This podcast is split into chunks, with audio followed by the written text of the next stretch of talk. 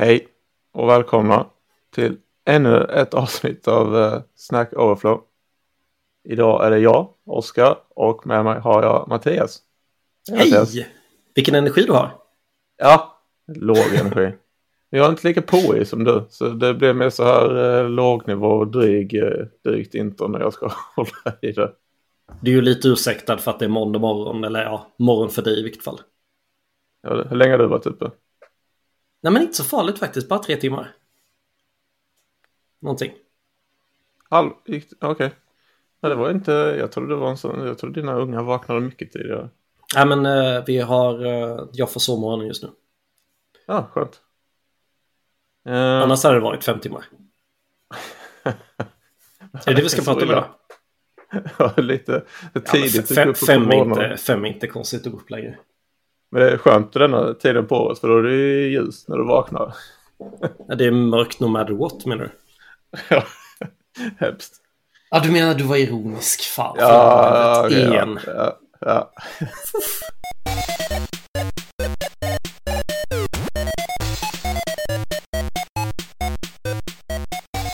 Men eh, det, detta avsnittet kommer kanske vara lite speciellt. För egentligen så hade jag bara tänkt att du och jag skulle prata om det här. För jag vet att du har erfarenhet om eh, området sedan eh, innan. Men så och du har kan... ett problem kanske? Ja, det, som man, det har väl alla på olika Men du, sätt. Innan du säger vad det är, får jag gissa vad det är för något av problemen?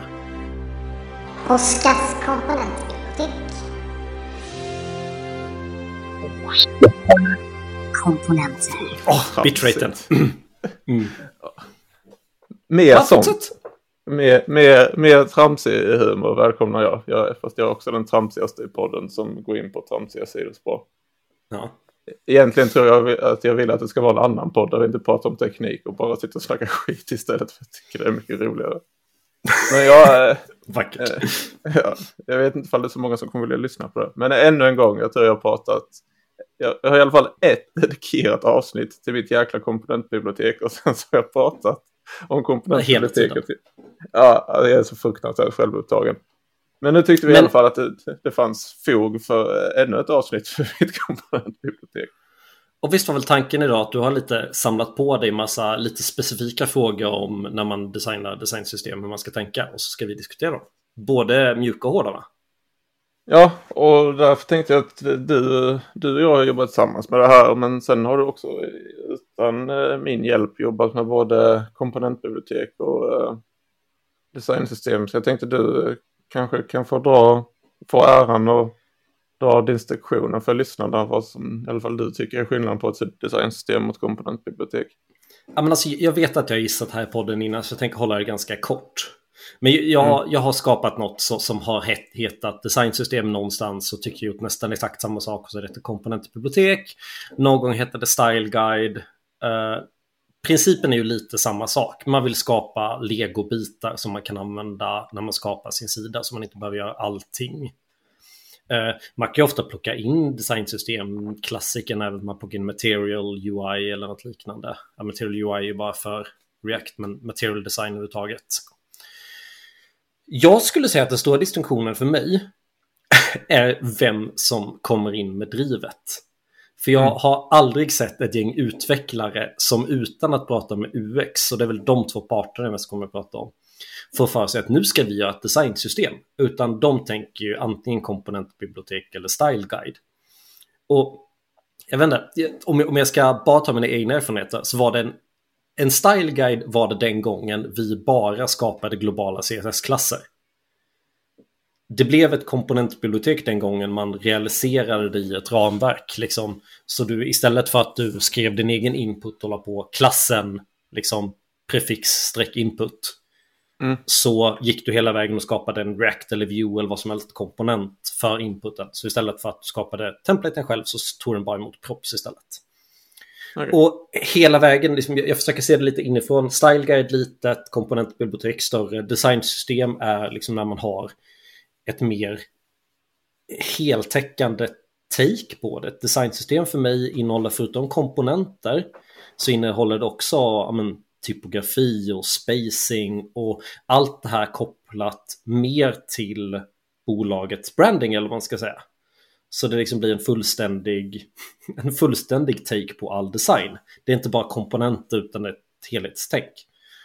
Och då tänker jag att ett designsystem oftare kommer från UX eller utvecklarna kommer inte längre till komponentbibliotek utan UX-hjälp.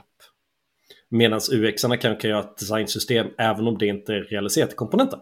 Ja, enligt din utsago så skulle jag nog säga att det är ett designsystem som jag jobbar på. Ja. Och jag tänkte jag kanske ska dra lite snabbt liksom de tekniska förutsättningarna i turbofart för de som inte har lyssnat på avsnittet som jag och Andreas spelar in där jag pratar om tekniken. Och för de som har lyssnat på avsnittet men inte lyssnade på mig så noga eller kanske kommer ihåg.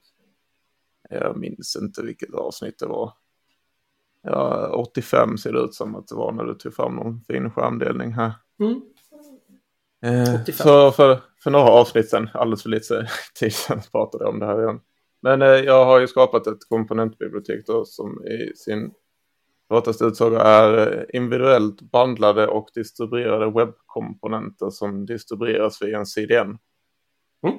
Så enkla grejer som knappar och selects och input, eh, textinputs eh, bandlade som eh, man använder som webbkomponenter och då importerar dem som jag sa via CDN och så får man alla registrerade webbläsaren och så kan man använda dem. Och anledningen är att det, är av och för UX. Så det är för att lyckas få en mer homogen och konsekvent eh, UX-upplevelse i interna business-system eh, i den delen av det företaget som jag sitter och gör de här på. Men hur, hur liksom stort är det här? Det är flera applikationer låter det som. Hur många, liksom, är det 20 team eller är det 5 eller 100? Ja, nu, nu har vi på att testa, så det är just nu så de som jag är i kontakt med, liksom, det är kanske tre, fyra team som jag försöker få, som jag håller att på att testa. Köra, liksom. Ja, men sen så fin, alltså jag tror det kan bli eh, minst 20, i värsta fall 100 team liksom. Eh, ja. Något sånt i den storleksordningen. Jag har för dålig koll på, på hur många potentiella team det kan tänkas komma användas till. Men jag tror det kan komma att användas utanför den arean av de interna business-apparna jag kan sitta med. Eh, som berör, jag berörs närmast av också. Alltså, så att det kan... Ja, alltså nu, nu är det liksom en, en, stor... Det här initiativet nu kommer från din avdelning men du är rädd... Eller du ser potential eller man säger att det ska sprida sig till andra avdelningar. Men din ja. avdelning är typ 20 team. Men aldrig cost, customer facing. Nej. Just för att det är webbkomponenter med den här lilla hiccupen de har med att de laddar. För, första gången du drar ner dem från sidan de renderar så kommer de ju hicka till lite innan CSS har renderat första gången. Så jag tycker inte att de lämpar sig för customer facing. Ja, men den detaljen behöver vi inte dyka i känner jag. För Nej, det, var ni bara, bara, bara så att man kan ta bort det. Bara för att jag ska förstå eller kanske mest för att jag är nyfiken. Är det liksom typografi och basstyling? Har ni spacing och sådär? Eller är det just nu bara mm. komponenter? Nej, det är ju det komponenter. Men så alla sådana grejer är tänkta att eh, och har redan börjat en del av dem att vi ska standardisera i en tailwind-konfiguration. Mm. Eh, så den tailwind-integrationen, det kanske förr eller senare liksom kommer bli en output eh, från den på något sätt. Så att de kan använda de här olika måtten, färgerna, eh, alltså de olika enheterna som kanske CSS-variabler så att det ska bli en sån output också. Mm. Men det är inte på plats än. Men vi har börjat standardisera sådana saker i Tailwind-konfigurationen. Så att de olika komponenterna använder samma formspråk. Eller samma förutsättningar för att skapa ett så konsekvent formspråk som möjligt. Men då har jag nog lite en anekdot eller ett sidospår vi kan ta. För det känns som att där jag var för några år sedan, var det två, tre år sedan nu, det känns ungefär som att du är i samma fas nu, att nu har du en, en MVP som folk egentligen skulle kunna börja köra. Det är absolut inte helt täckande men en hel del saker. Så nu vill du liksom engagera och involvera folk. Förstår mm. du det då? Ja. Är liksom UX med på spåret och är kod med på spåret? UX är med, med på spåret nu. Men det är också, ja. men det är det jag tycker om mest med projektet. Och det sa jag förra avsnittet också. Att det här är liksom inget så feature creep projekt. Utan det, det kom från att UX upplevde att de hade problem i liksom att kunna skapa applikationerna ser för olika ut. Och de kan sitta och komma överens om hur det ska se ut i sina Figma-designer. Mm. Men de använder inte samma penslar som utvecklarna. När de ritar på Så- ett A4-papper. Så UX, UX vill egentligen typ tvinga med lite air quotes utvecklare att använda ditt designsystem för att det ska se enhetligt ut. ja, men det klassiska är att de ritar, de, de kom överens och ritade med, för de här komponenterna fanns innan jag började implementera det som ett webbkomponentbibliotek. Men sen så, Ah, ja, så i det regel finns så...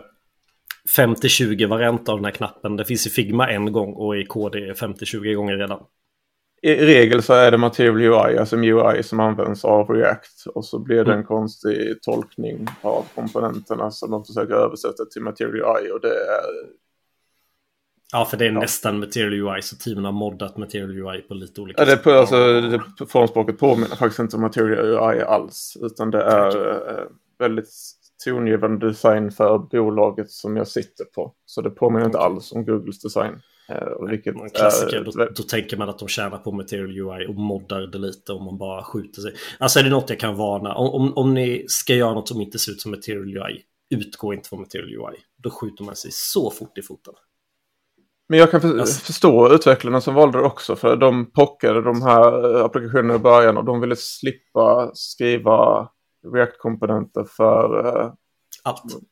allt liksom. Så, det, Mm. så då är det jättesmidigt. Du ska bara få igång ett formulär. Okej, ja det ser inte riktigt ut som designen i början. Men vi fick en feature som tog en tiondel så lång tid för vi slapp skriva alla grundkomponenter. Så jag, jag Mm. kan försvara och förstå utvecklarna varför de besluten togs. Och då Material kan man nästan sjukt. se det som ett eh, självändamål att du försöker hålla dina props eh, kompatibla med MUI props, samma namn, för att det ska bli lättare för teamen att konvertera då. Det har jag faktiskt inte tagit hänsyn till överhuvudtaget. Men jag kör Nej. på ganska vedertagna props-namn. Eh, Ja, jo. Ja, du har jobbat med mig. Jag är ganska, jag vet inte om du kommer ihåg, men jag, så här, variabelnamn och propsnamn och sånt. Jag gillar att tänka på det tio gånger innan jag eh, eh, släpper det ifrån mig. Så jag är ganska petig med nomenklaturen på Eh, att det ska vara konsekvent mellan alla. Vi kommer till det när vi ska prata bakåtkompatibilitet sen, att jag inte var det. Men det kommer vi till. Så, men hur lyckas liksom, om, om UX är på, det är ju kul, för då använder de samma Figma, liksom, vad heter det Figmens? Ja, men de använder samma liksom, blockkomponenter i Figma. Och så vill de att teamen ska använda det du gör. Hur får Ja, det är liksom, faktiskt det roligaste med detta projektet, att UX är så himla pop. Alltså, Mm. Men hur får du ner det till teamen? Vad, vad gör ni för actions för att få teamen att vara engagerade? Nej, det är där problemet är. Jag, jag, för utvecklarna är helt enkelt inte riktigt lika mycket eld och låg just nu. Eh, och Har ni det, liksom möten där ni ses så man kan liksom dema och sänka ribban och liksom f- ge applåder till de som har lyckats, har börjat? Så man är lite hetsad att de andra har lyckats. jag har ju visat för mycket stakeholders som inte är utvecklare. Och de är eld och Mm. låga. De har ju identifierat det här problemet länge och vill liksom att saker dels... Det kommer ju se snyggare ut med de här komponenterna. För många av de här kom, eh, applikationerna har funnits i ganska många år. Och det är liksom stora tabell Excel-liknande applikationer som ja, tyvärr börjar se ganska tradiga ut. Och vårt Mm. designbibliotek ser mycket fräscha och roligt ut. Så de ser ju en stor vinning i liksom att kunna fräscha upp sina applikationer lite. Eh, Så det både liksom från ux till de som bestämmer lite och lågor. Men den sista anhalten att få med utvecklarna på spåret är lite, är lite svårare. Och Mm. jag, jag kan förstå det också för det är ju inte ett konventionellt sätt att för rent tekniskt att konsumera komponenter. Det är inget beroende som du installerar med en pakethanterare, NPM. Utan du konsumerar ju dem via en CDN och den tröskeln har jag varje gång jag har suttit med potentiella utvecklare och försökt sälja in det här så har jag blivit extremt ifrågasatt på det. Varenda Mm. gång. Mm. Och jag, jag kan förstå det lite. Men jag är fortfarande lite förvånad över att tröskeln är så pass hög. Eh, Men så det är lite... För de tycker det känns lättare för dem att börja om det är NPM eller? Ja, de är så vana vid att så, så Mm. får de lite eh, så om de sitter i TypeScript så får de lite hjälp om man har skrivit eh, biblioteket på ett smart sätt så, så de exponerar type interface och propsen och allting och de får lite bättre intelligence. Mm.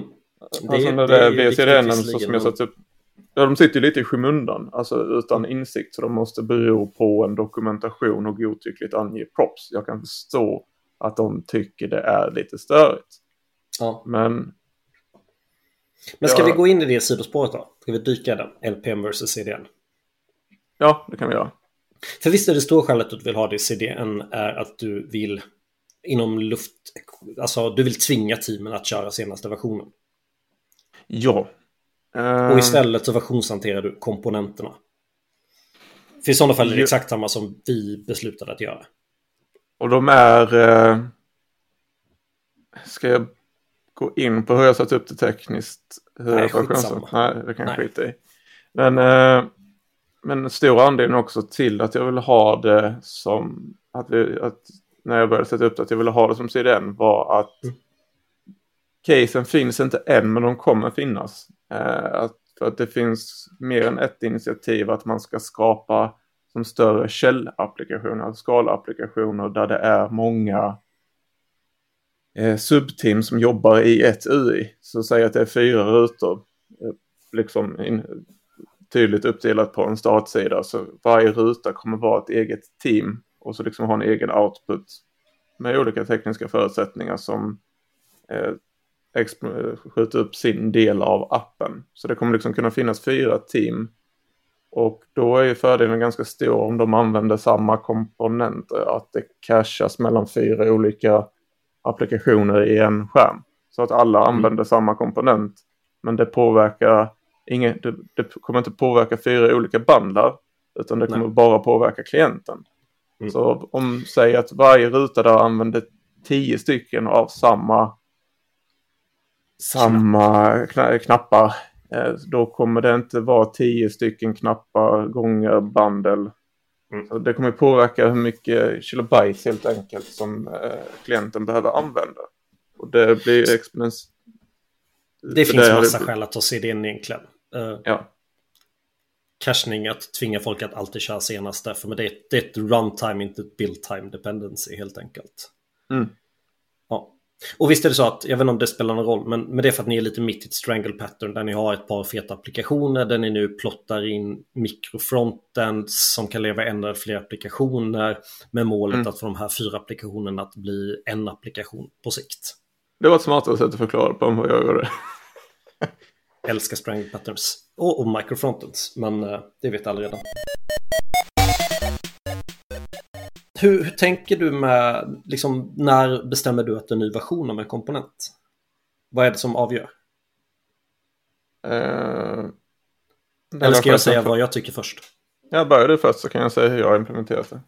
Ja, men vi, vi bytte version när vi bytte, alltså när vi ändrade props som fanns. Lägga till props kunde man göra om någonting tillkom till komponenten utan att putta bakom kompatibiliteten. Utan om man tog bort en prop som någon kanske använde. Eller om man bytte namn på den. Men det är ju samma sak som att ta bort den och lägga till en ny, är ett renama. Eh, och, men vi gjorde också så att när man ändrade designen så en sak kunde bli större eller mindre. För vi visste ju inte vad, på vilka ställen den kunde konsumeras. Så säg om vi på vår knapp la till mer eh, vertikal padding. Då kunde helt plötsligt UIn gå sönder. Och då valde vi faktiskt att göra en ny version bara på grund av det. Bara för att teamen skulle säkerställa. Då kunde teamen själva ta liksom mer ansvar för att amen, men, där vi använder knappen ser den fortfarande bra ut. Och då när vi gjorde den typen så hade vi någon typ av release note så att liksom, som lite var en checklista för utvecklare eller testare. Liksom, det här ska ni kolla fortfarande funkar när ni kör nya versionen av knappen. Min Men, och, vi- men, men, men till att börja med, strategin ska ju vara att man ska så sällan som möjligt ska behöva göra det. Jag var på väg att säga min strategi, men jag ska säga vår strategi, för det här är inte mitt. Eh, men vår samma strategi sak. är eh, hårdare, men jag tror det, det finns en väsentlig skillnad på konsumenterna av dem i det projektet som jag vet du satt i, som du förmodligen refererar till nu, och de förutsättningarna som jag har, vi har, i det, eh, mot konsumenten som jag arbetar mot nu. För visst var det så att det var bara ett fåtal applikationer som var konsumenter men att ni satt många team i de här få applikationerna. Eh, vi, vi hade scenariot att det var en rotapplikation. Okej, det var alltså, två till- rotapplikationer men, men det var en som var den stora och en som var liksom ett lilla syskon som skulle funka offline egentligen var principen. Sen var det liksom tio team som hade i snitt två, tre appar var. Mm. Och för skillnaden där är ju att det är väldigt många team. För jag antar att du har, då har du bättre vetskap och kanske med en liten fot in i de olika teamen. Jag kände, vi, vi sågs i vilket fall varannan vecka på guildmötet. Så. Ja. Eh, Men det kommer vara annorlunda för detta projektet för det kommer ju liksom vara många team som vi nödvändigtvis inte har en fot in eller så mycket kommunikation med. Så därför har vi valt en hårdare approach på versionerna. Ja. Eh, Att så fort det sker en minsta lilla ändring på komponenten så kommer det antingen vara en major eller en minor uppdatering. Även om det är liksom ett tillägg, en ny prop. Ja, Det, va, Mest, varför? mest för att, för att vi, vi kommer inte kunna kommunicera sådana små ändringar så granulärt till de olika teamen. Så då har vi valt att förlita oss på...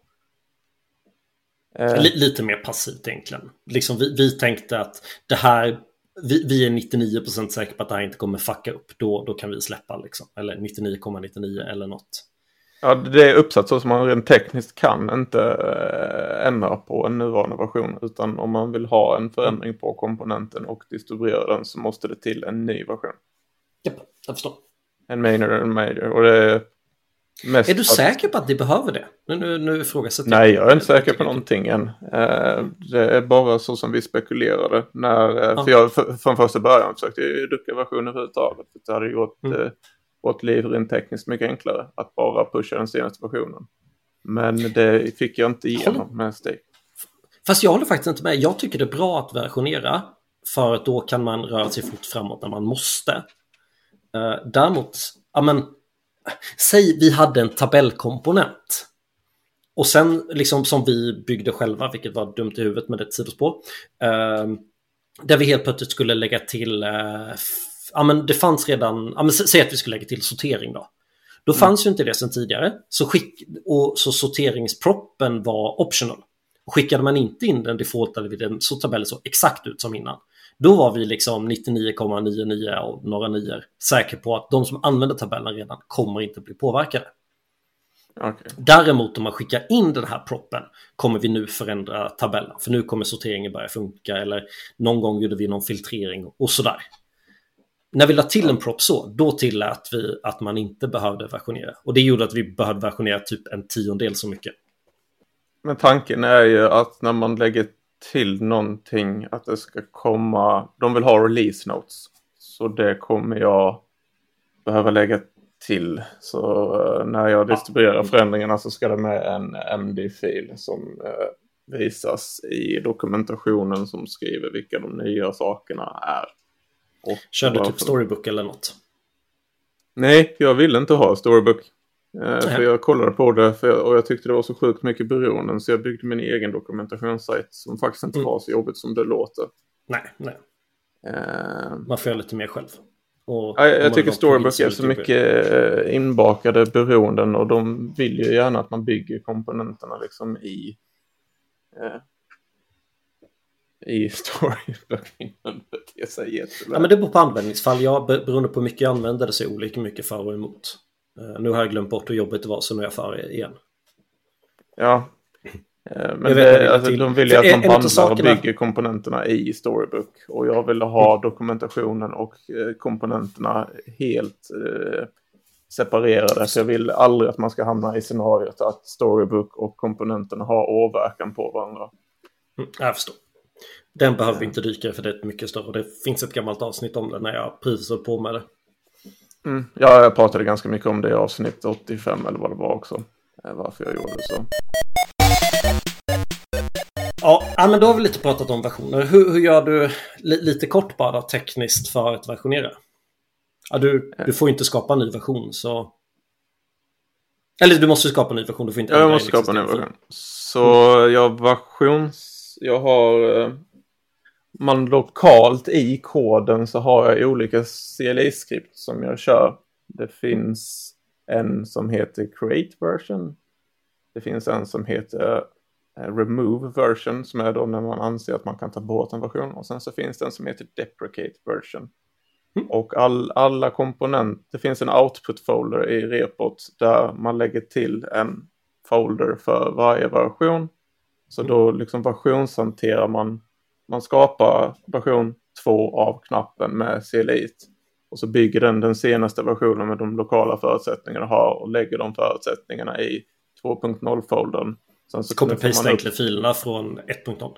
Ja, och så knuffar man upp det i CDN och så purchar man CDN. Mm. Eh, och så ligger det lite olika JSON-filer som pekar ut de olika parsen och det är de som eh, klienten letar upp i slutändan och ser till att dra in rätt version av. Det, det, finns lite kod för att skapa nya mappar och när du replikerar så uppdaterar du den gamla versionen och sådär. Så det, det är, är, det, är det värt att skriva ett CLI-verktyg för det? Ja, i och med att jag ville göra det versionshantera. Eh, man skulle ju kunna försöka göra att det sker i eh, alltså CI-CD-flödet såklart. Mm. Mm. Men i och med att jag har en output-folder som jag skickar ut tyckte det var nice att man lägger den vikten på utvecklarna. Mm. Eh, att då måste man ju se till att det är testat och färdigt. Alltså skrivna tester för varje enskild komponent. Och när du lägger upp en ny version så är det på riktigt. Så det blir ett ganska tufft pattern för de som skriver komponenten. Eh, och så finns Men det, det är ett det pattern, bara... det finns egentligen inget tekniskt som hindrar från att pilla en gammal komponent. Rent tekniskt så kan du ta bort hela output-foldern för knappen och börja om från början. Ja. Men det finns inget CLI som hjälper dig att göra det. Nej. Amen. Uh, CLI hjälper dig att markera manifestfilerna, att uh, lägga till ett datum när den förväntas deprecata och den kan lägga till nya versioner i de tillgängliga versionerna för knappen. Jag är med. Mm. Ja, men det är svårt det här med versionering. Men äh, ska vi rulla tillbaka? Vi, vi, vi ner rabbit holet via CDN från att teamet ska köra det senaste. Och vi började med att hur, involver hur liksom engagerar vi och involverar vi team? Men, men förstår jag rätt, du är i fasen att det är nästan du som kodar det mesta och det är UX som beställer vad du ska lägga till? Mm. Eller är vi tillsammans nu får förslag, för vi är ju ett team med jag och en UX på heltid och sen så är det lite andra UX som hjälper till. Mm. nu är vi i skedet där det börjar komma in mer beställningar på, om man får kalla dem så, på komponenter som inte redan finns. Mm. Så nu håller vi på att försöka lära oss hur vi ska hantera de här, vad som är krav och vilken process vi ska sätta upp för att skapa inte specifika komponenter till specifika team utan hur vi ska skapa så vi får in ett krav på en komponent. För de säger vi behöver den här komponenten. Men då vänder vi på det istället och försöker hitta en process där vi försöker vad är behovet. För många av det kan ju vara tre komponenter i ett, en, ett förslag. Liksom. Så vi försöker förstå behovet och sen så försöker vi skapa det hitta ett sätt att skapa det som tjänar det större syftet så mycket som möjligt och inte specifikt för ett team. Och det, här, det här tycker jag är tufft. För just nu så kraven som kommer in är, är ganska specifika för att det är några av teamen som liksom saknar någonting. Då är jag rädd för att man skapar för specifika komponenter för specifika team. Jag tycker det är svårt yes. och hur, hur man ska göra för att skapa dem just så homogena som möjligt. Och mm, tänka har, på det större syftet. På gång. Kör. Är du, är du med på konceptet Atomic Design alls? Ja. Atomer, molekyler och så vidare. Eh, mm. Vi länkar väl Atomic Design om vi kommer ihåg det. Eh, men principen är att du har liksom atomer, de minsta beståndsdelarna, så en knapp. Mm. Eh, atomer och inputfält tillsammans kan bli en molekyl som heter formulär. Och sen en fråga och sen, sen kan formulär, två formulär tillsammans kan bli en organism som kan bli en sida eller vad, som kan bli en page eller något sånt där. Jag kan inte hundraprocentigt. Uh, för jag har aldrig använt det exakt som det står liksom i hur man ska använda det. Men jag har försökt lansera sättet att prata kring det. Uh, för, jag upplever, för då upplever jag att just de här problemen blir mycket enklare. Uh, en atom är en atom. det ska ju vara i designsystemet. Mm redan vid molekyler eh, ska vi ha en gemensam formulärkomponent som är liksom någon typ av wrapper, ja, då blir ju formuläret i sig en, en atom också. Det där, redan där börjar det bli lite svajigt. Men så som formulärkomponenten, givet att du fyller formulärkomponenten med rätt typ formulärelementet med rätt typ av formulärkomponenter så funkar valideringen på ett enhetligt sätt. Men Alltså, det är är ju typ ett klassiskt scenario där jag känner där, jag, där vi redan har behövt vara tuffa. För vi, Mm. det kommer som ett brev på posten att folk vill ha en tabell. Mm. Och det är Yes. väldigt, det är tabeldrivna applikationer, det är tabeller Mm. överallt. Eh, och det är det, nu den tuffaste komponenten vi någonsin kommer behöva lösa. Eh, Mm. Så just nu har jag valt att prokrastinera den lite. Att, Och det vi gjorde var att vi hade en atom för tabeller som vem som helst fick använda. Men vårt rekommenderade sätt var att vi exponerade fyra stycken olika molekyler med exempel på hur man använder tabell. Och försökte liksom... Och en sak som är viktig i det där då är att när vi bestämde vilka molekyler det skulle vara var det Mm. väldigt drivet av UX. Inte alls av utveckla vad de tyckte var logiskt. För det var inte de som skulle eh, liksom bestämma vilken man skulle använda sen. Utan det viktiga var att UX kom överens om men vilka fyra standardtabeller har vi. Om målet är att det ska vara enhetligt då borde UX kunna samlas kring liksom ett par. Om man ska uppnå den enhetligheten så vill man ju att Mm. de ska kunna landa i fyra standardalternativ. Ja, det tror jag kommer vara svårt i den här Ja, men då, då kommer ni inte ha enhetligheten och då är det lika bra att exportera atomen och skita alla molekyler. Ja, för det är det jag tänkte. För det första förslaget som kom in var en design på en tabell. Men det var inte bara en tabell. Det var, för de tyckte, de, och det kan jag förstå om man inte har vetskap om eh, tekniken riktigt. Men det första förslaget var liksom en tabell med pagination, med filtrering, med actionknappar, med header, med lite till. Jag bara, nej men det här är jättemånga olika komponenter. Så. Eller vi Jättemånga atomer som blir Ja. en tabell. Ja, vi liksom, använder dock Vad en atomic- atom är. Vi kanske borde anamma, för vi har inte anammat atomic design. Eh, Jag tycker delen. inte man ska använda det liksom ens. Jag tycker inte det ska vara, ja, kanske, men liksom så här. Jag tycker man ska anamma tankesättet. ja, det Så liksom man, man, kallar det, man kallar det för... Man använder diskussionen men man kan inte exponera det tekniskt liksom.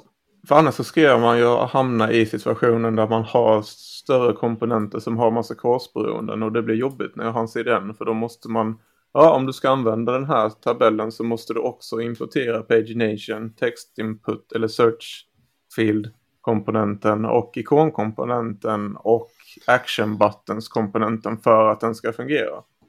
Ja. Eh, och den situationen vill jag inte hamna i. Jag i så största utsträckning som möjligt så försöker jag undvika alla former av korsberoenden Mm. i komponenterna. För att ha dem så eh, uppdelade som möjligt. För att det blir både enklare för oss som skriver koden. Det blir enklare att underhålla den. Det blir enklare att Mm. ha tunga rätt i mun. Men det blir jag menar på att det också blir enklare för de som ritar dem. Jag är, jag är tveksam. Och jag tror att ni kanske tar ett beslut för att det blir tekniskt lättare. Nu, nu sitter jag här och gissar. Ja, jag, jag, har, ja, jag har För tabellen är ett jättebra exempel. Eh, där, där försökte vi liksom landa i liksom ett par olika flavors. Sen kunde du liksom kombinera lite fritt.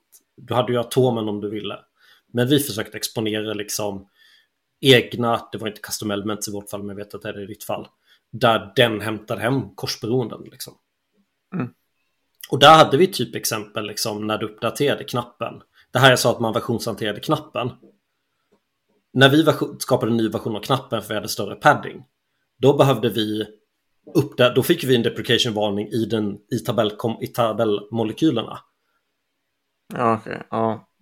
Men där var det ju faktiskt fel, så där kunde vi, då kunde vi på vår sida stö, liksom se till att det höll. De kunde Mm. fortsätta använda den molekylen, för vi fuckade upp knappen med mening, addade upp knappen för att vi ville.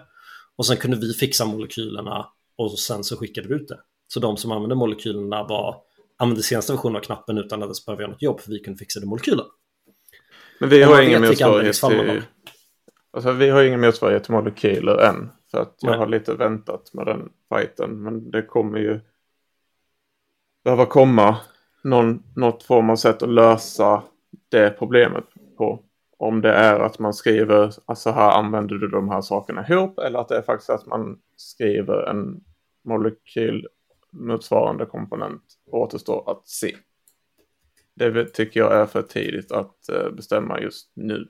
Och det enda rådet jag kan göra då, gör det lätt att göra rätt när du förstår. Och eftersom att det känns som att är så tydligt att det är UX som, som, liksom, det är UX som driver det här. Mm. Uh, gör, då är UX intresserad av att göra kompromisser. Mm. Och utvecklarna vill ha det så lätt som möjligt att göra rätt. Mm. Men du, jag har en fråga som vi aldrig riktigt kommit till. Alltså, eh, för, för vi pratade lite om hur man engagerade. Det vi gjorde, vi hade liksom tre, egentligen tre verktyg för att få folk att börja använda vårt. Det första var att det var UX-drivet, så varenda demo så var liksom så här, UX var på och berättade att så här, ja men det här är ett krav just, det är ett krav nu, det här är ett icke-funktionellt krav som alla applikationer ska leva upp till. Mm. Och det var så här, då fick produktägarna lite ont i magen och sa till utvecklarna, försöker ni göra det här? Ja, men vi ska försöka göra det här och sen hände ingenting. Uh, nästa steg vi försökte var att på guildmötena liksom typ varje gång lägga liksom sa, sa liksom så här, ja men nu börjar vi. Ni som har redan sett hur man lägger till designsystemet kan gå och hämta en kopp kaffe. Ni som inte har sett det, nu kör vi en fem minuters demo hur man börjar använda designsystemet.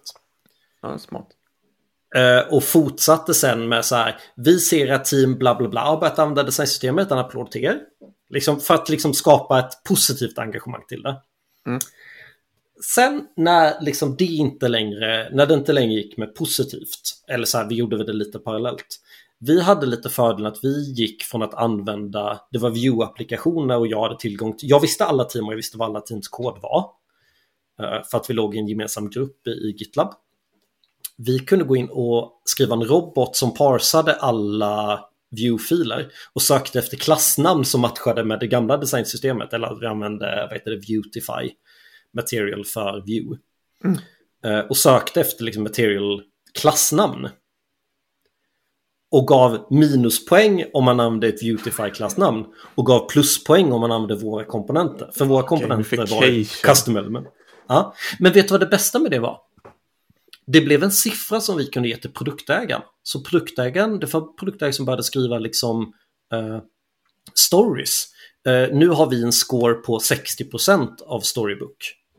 De kallar det Storybook, vilket mm. var ett problem, men det tar vi sen. Vårt mål är att efter den här sprinten så ska ni vara uppe i 80%.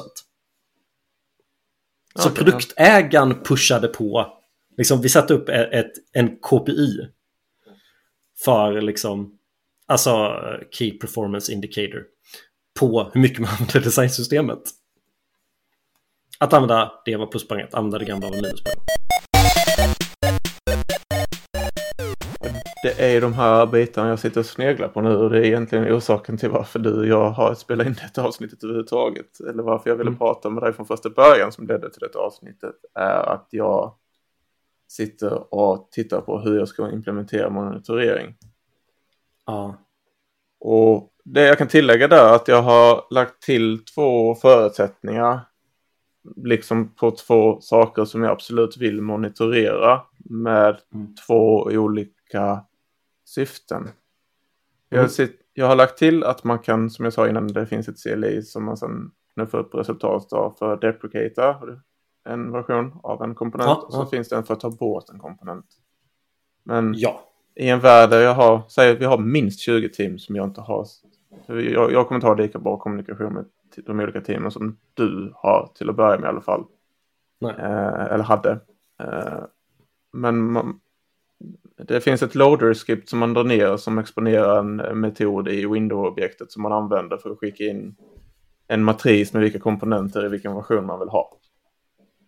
Det loader-scriptet identifierar nu om, om du sitter på version 1 och det finns en version 2 så varnar den och säger ja, vi ser så då slängs det en konsol warn och så säger den mm. du använder version 1 av knappen men det finns en version 2 vänligen uppdatera. Så och vi klipp och klistrade ju exakt samma sak, men eftersom vi inte hade CLI så klipp och klistrade vi. Okej. Okay. Eh, och den andra varningen som kommer är, vi ser att du använder version 1 av knappen, men de har lagt till att den deprecatar på det här datumet. Mm. vänligen uppdatera innan det här datumet. Så sitter du på en version 1 och det finns en version 2 så kommer du få två varningar. Mm. De här varningarna plus att en komponent används, alltså varje gång den används, vill jag monitorera så att jag får data på hur saker används. Och det är det jag sitter och spekulerar hur jag tekniskt ska implementera. Ska jag dra de två infallsvinklarna på förslag som jag har först eller vill du eh, säga hur du Ja, löser det? Pro- Problemet om jag förstår det, du, du vill mäta lite egentligen så här, du, du vill se hur många depreceringsvarningar du har, du vill mäta lite användare, du vill inte mäta så mycket fel egentligen. Nej, För då blir det lite svårare med lite krashantering och sådär. Ja, jag kommer ju lägga in varit- att det lägger felhantering också såklart. Alltså, så att jag Hade det varit ja, ja. hade det varit en och samma applikation så hade det inte varit ett problem, utan det är för att du inte ens vet vilka applikationer som gör det till ett problem. Ja, Mm, då kan du få berätta dina alternativ. Så För, förlåt, eh, för skälet till att jag frågar, hade du känt till applikationen, hade du kunnat piggybacka på den applikationen borde ju ha en standardisering, standardiserad monitorering. Och då hade ju du kunnat piggybacka på den, vilket var det vi gjorde. i den bästa av världar, för att urskilja vilken applikation det är, så hade man bara Mm. plockat URLen och sökt tolka vilken applikation det är. Men Mm. i och med att det finns mer än ett förslag på applikationer som ska använda den här som kommer vara de här typen av skaliga applikationer så kommer Mm. URLen inte förtälja vilken konsumenten är. För att det kan Nej. finnas fyra olika konsumenter innanför en URL. Ja.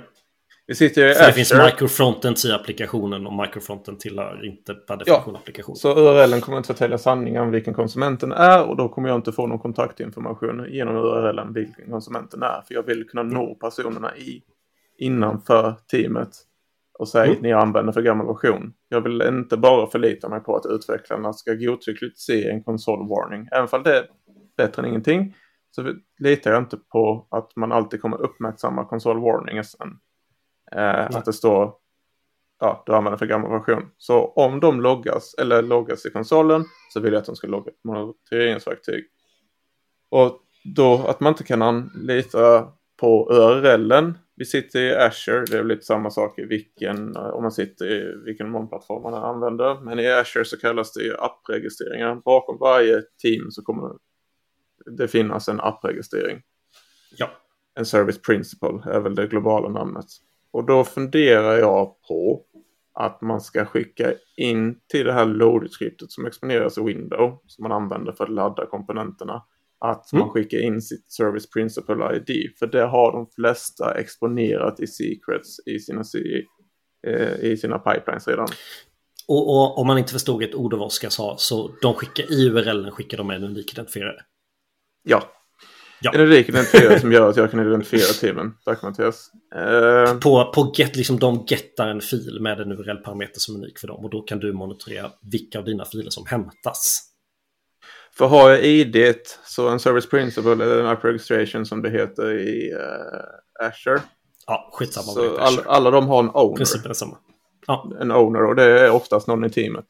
Eh, Ja.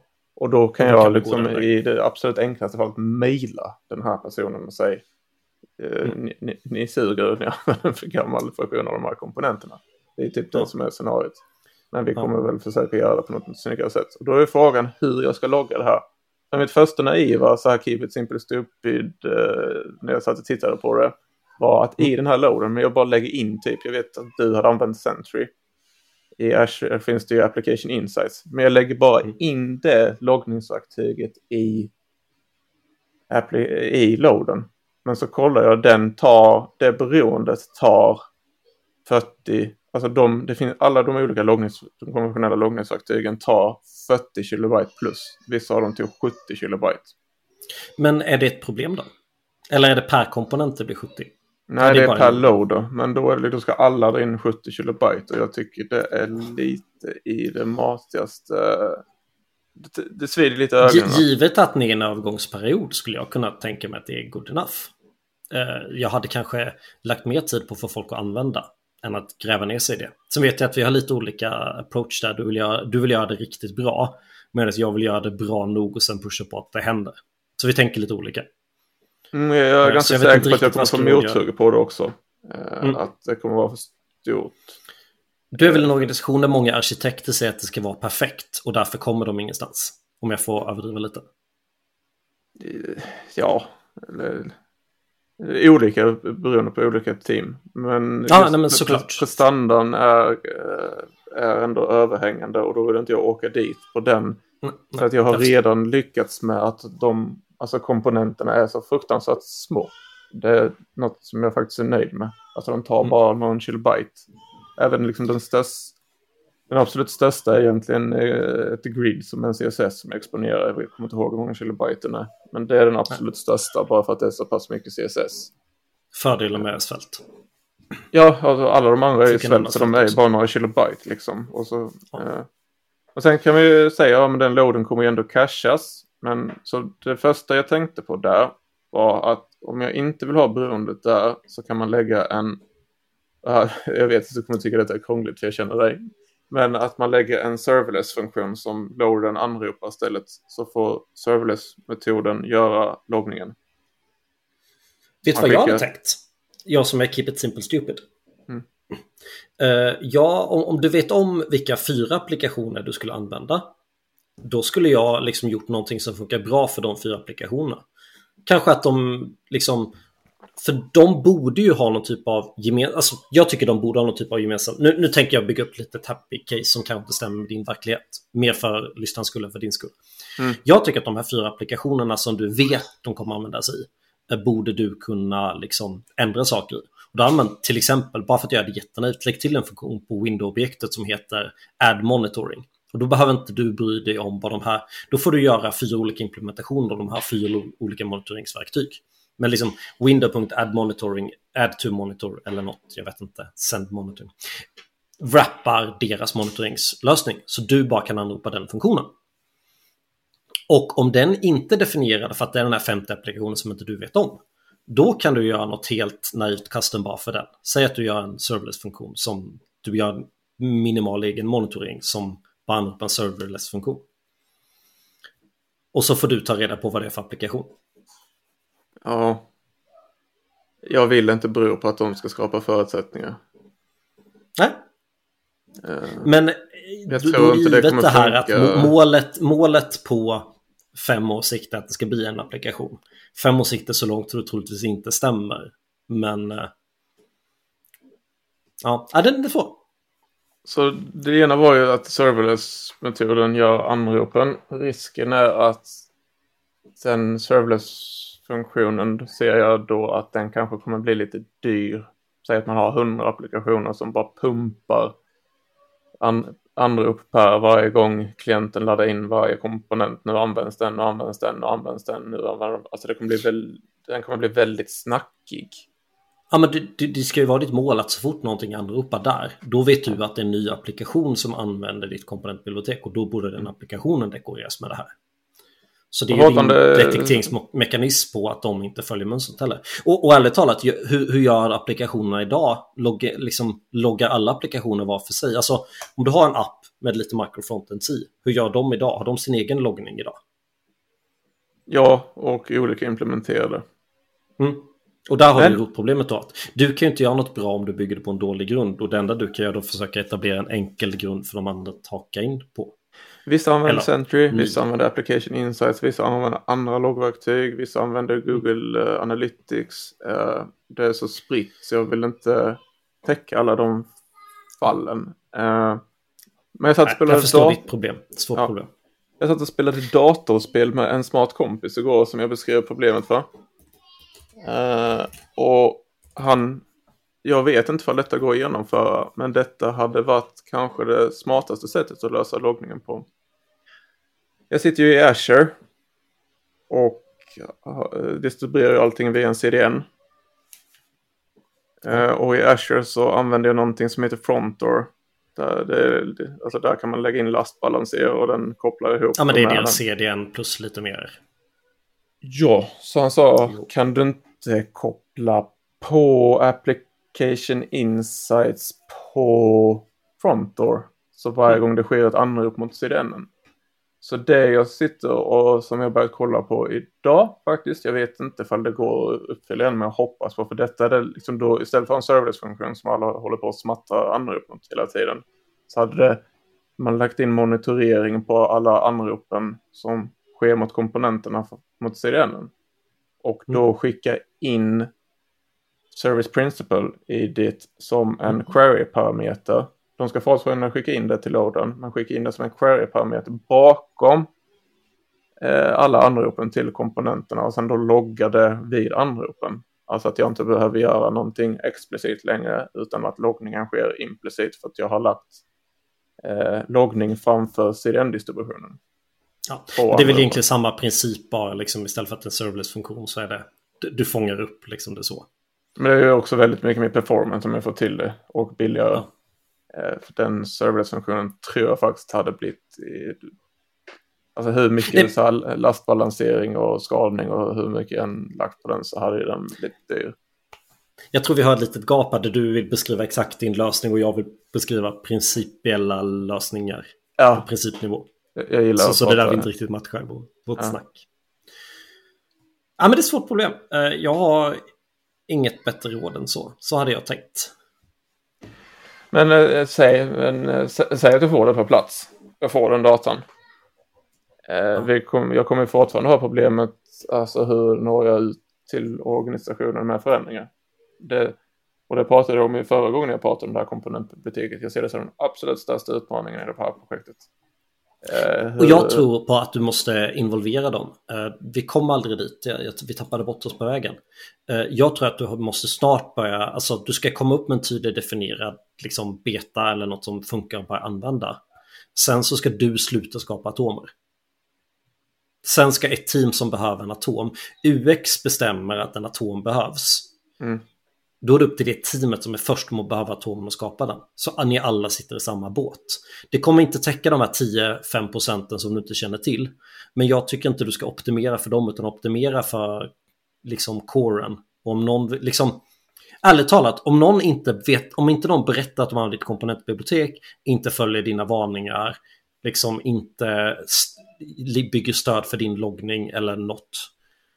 Låt dem gå sönder då lägg inte tre hängslande livremmar för att stoppa din progress utan liksom optimera för standardproblemet och finns det några outsiders ge dem en good enough lösning. Nu, nu svarar jag inte alls på exakt din fråga utan mer principen. Men... men också en sak som jag har identifierat som vi inte har än är som i jag ser det som ett kommunikationsprotokoll som måste ut hur vi förmedlar förändringar, inte bara tekniskt utan hur vi når teamen. Vi kan skapa förutsättningarna tekniskt. Men jag behöver fortfarande utöva ett protokoll för att komma, komma för att uh, nå ut. Och där ha, mm. hade du någonting som inte vi har nu och det är någon form av forum. Du kallade det för guildmöten. Har ni inte någon typ av guildmöten? Ni hade det innan?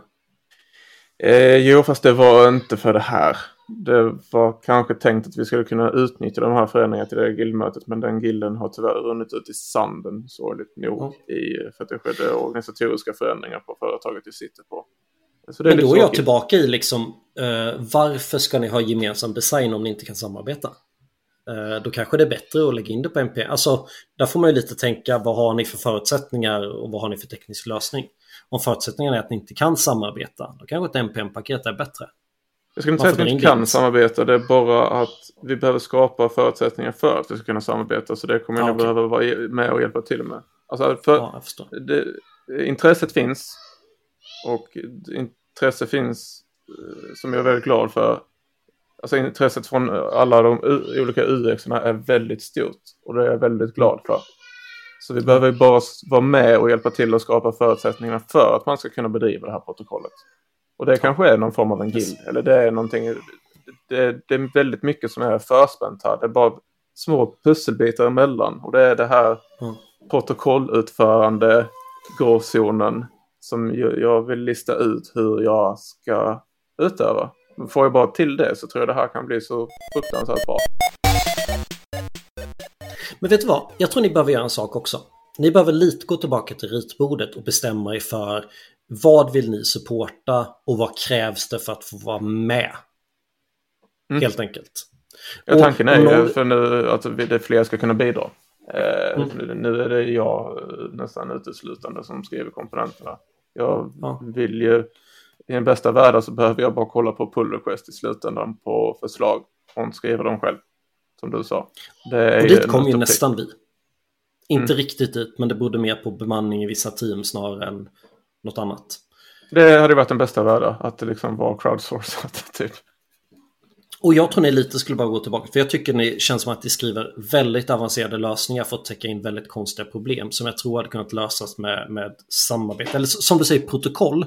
Men jag menar inte tekniskt protokoll, jag menar ett kommunikationsprotokoll. Mm. Att det finns liksom ett kontrakt på första sidan i dokumentationen. Att så här, om du inte är en fullvärdig medlem utan bara hackar in för att ni ska göra det, då är det upp till dig att hantera konsolvarningar. Då behöver inte, då behöver inte ni som team behöva skriva någon superavancerad monitorering. För om man är halvvärdig medlem, då får man själv hålla koll på konsolvarningarna. Alltså, mo- monitoreringen är ju mer för att vi ska kunna ta eh, så datadrivna beslut om att kunna ta bort en version som möjligt. Eh, Och jag menar att gör inte det datadrivet, säg att så här, skriv i kontraktet att så här, vi förbehåller oss rätten att med tre månaders varsel ta bort en komponent. För det kostar inte er svinmycket att ha en gammal komponent. Och är de fullvärdiga medlemmar så har ni ett bra sätt att monitorera det. Är de, är de hangarounds som du inte känner till, då får de ta den delen av ansvaret. Man kan inte både få kakan och ha den med, eller vad nu uttrycket är. ja, det är lite mer hardcore där än mig, men det, det accepterar jag. Nej, men jag, jag tycker ni, det jag tycker är att ni går för långt in i tekniska svåra lösningar för att hantera att alla andra människor är kompletta babianer. Eh, och det behöver man göra ibland. Det är ju Ja. det är en grej med mikrotjänster, att en mikrotjänst ska funka även om en submikrotjänster inte funkar. Till exempel, den principen. Men här känns det som att ni borde kunna samarbeta istället för att lägga tid på det. Ni är inte så stora. Och hade ni varit så stora så hade det varit bättre med NPM istället för CDN. För jag, jag ser liksom att de största tekniska hindren redan är lösta. Nu är det bara till Ja. att få, få till konsumtionen. Jag, nu ser inte jag några stora tekniska hinder framför mig längre. Den största... Jag, jag tycker Ja. det är löst. Jag, det var inte så svårt att få till det här deprecation warningen och sånt och få till en bra loader. Nej. Det var ändå...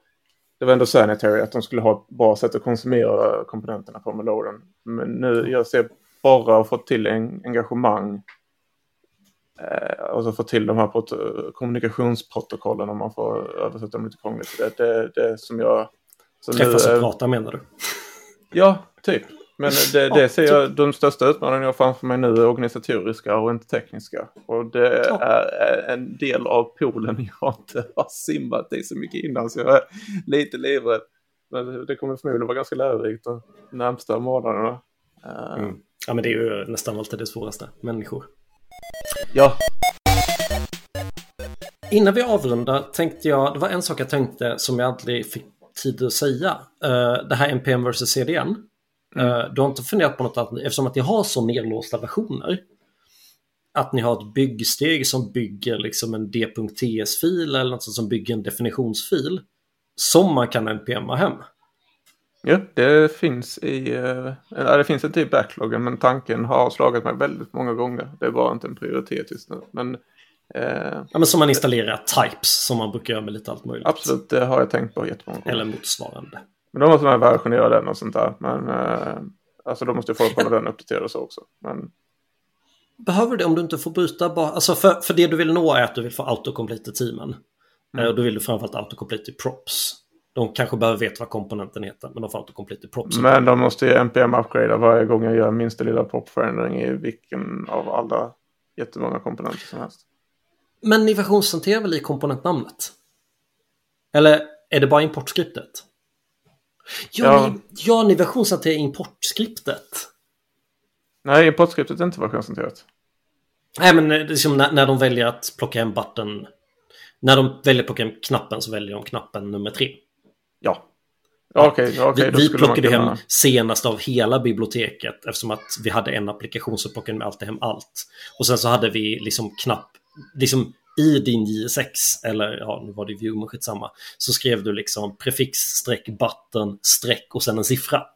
Så man kunde ha två, eftersom att vi hade hela båda komponenterna, kunde du ha knapp två och knapp tre i samma.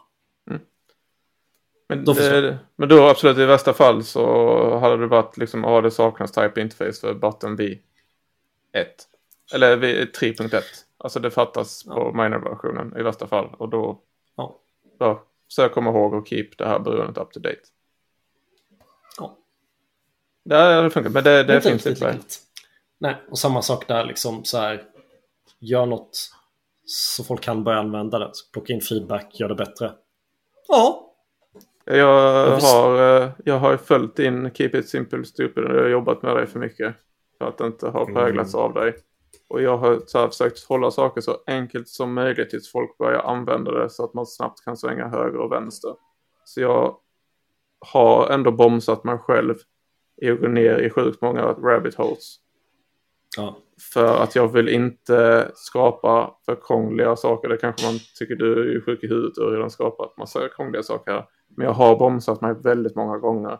För innan folk använder det i stor skala så vill jag att det ska vara enkelt att navigera till vänster och höger om kraven förändras.